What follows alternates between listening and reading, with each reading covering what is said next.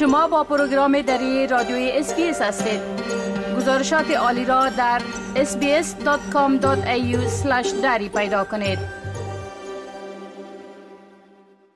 شنونده های عزیز حال با همکارم سام انوری درباره یکی از رویدادهای مهم صحبت می کنم آقای انوری سلام عرض می کنم خب یکی از موضوعات مهم توافق بین حزب گرینز یا سبز ها و حکومت فدرالی بر سر هزینه برای اعمار مسکن و خانه های بخصوص خانه های اجتماعی و ارزان قیمت است.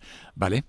با سلام به شما و شنوندگان عزیز. بله همانطوری که شما اشاره کردید حکومت کارگر پس از ماها چانزنی و جنجال سیاسی با حزب سبز در نهایت حمایت حزب را مسکن سازی خود به دست آورد. کارگر تانسته که توافق سبز ها را بدون پذیرش خواسته اصلی آنها که شامل توقف افزایش کرایه و وضع محدودیت بر میزان افزایش کرایه خانه بود کسب کند. اما سبز ها تانستند که پس از ماها مذاکره با حکومت در مورد حمایت از صندوق آینده مسکن استرالیا و کارگر بقبولانه که یک میلیارد دلار اضافی را در سال جاری برای ساخت مسکن عمومی و اجتماعی ارزان قیمت مصرف کنند. حزب کارگر ابتدا در نیمه اول سال جاری لایحه صندوق آینده مسکن استرالیا را به مجلس معرفی کرد اما این لایحه در نتیجه مخالفت سبزها شکست خورد حزب سبز در نهایت روز دوشنبه اعلام کرد که آخرین پیشنهاد حزب کارگر را پذیرفته و به ترتیب به یک بنبست سیاسی چندین ماهه در پارلمان استرالیا پایان داد. با این حال مکس چندلر میتر سخنگوی حزب سبز در امور مسکن هشدار داده که سبزها از مبارزه برای توقف افزایش کرایه مسکن دست نخواهد کشید و گفت که کارگر باید درک کنه که اگر به نادیدگیری کرایه نشینا ادامه بده در انتخابات آینده درس سخت را خواهد آموخت. بله. خب میشه که توضیح بتین که با استفاده از این طرح قرار است چی کارهای شود؟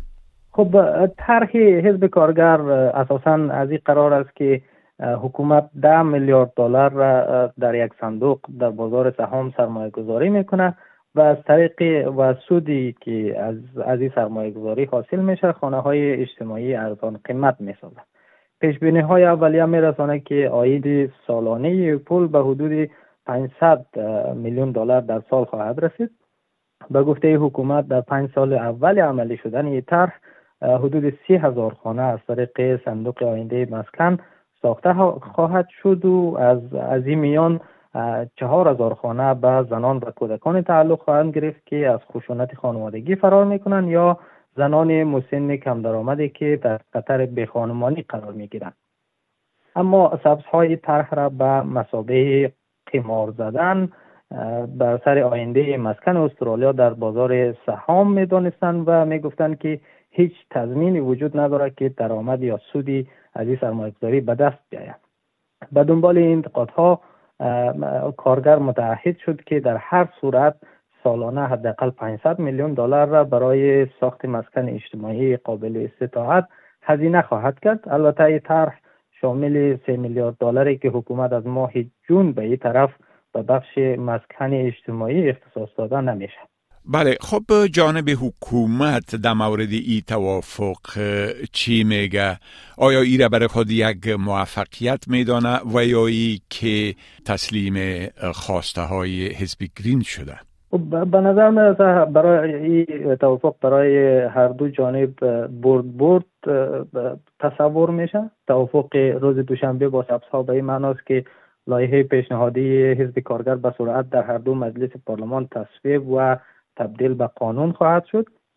جولی کولینز وزیر مسکن توافق روز دوشنبه را یک روز مهم برای هزاران استرالیایی توصیف کرد که به دنبال سرپناه ارزان هستند و گفت که حکومت به سرعت طی چند ماه آینده صندوق آینده مسکن استرالیا را تأسیس خواهد کرد تا سود حاصله از آن هرچه زودتر در بخش ساخت مسکن اجتماعی سرمایه گذاری شود. نخست وزیر انتونی البنیزی هم از این توافق با حزب سبز ابراز خورسندی کرد و گفت که این طرح آخرین تعهدی بود که در سخنرانی پاسخ بودجه خود به عنوان رهبر اپوزیسیون به مردم استرالیا سپرده بود و از عدم بند رهبر سبزها به خاطر رویکرد سازنده او در جریان مذاکرات قدردانی کرد.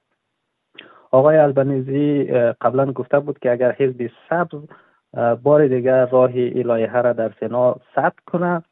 ممکن است که مجبور شود در انتخابات آینده هر دو مجلس پارلمان را منحل اعلام کنه که البته با توافق او خطر هم رفع شد. از سوی دیگر هم سازمان های فعال در عرصه مسکن هم از این توافق حکومت با سبز ها استقبال کردند بله خب بسیار تشکر آقای انوری از این معلوماتتان و فعلا شما را به خدا می سپارم و روز خوش برتان آرزو می کنم. تشکر از شما وقت خوش. بپسندید شریک سازید و نظر دهید. اسپیس دری را در فیسبوک تعقیب کنید.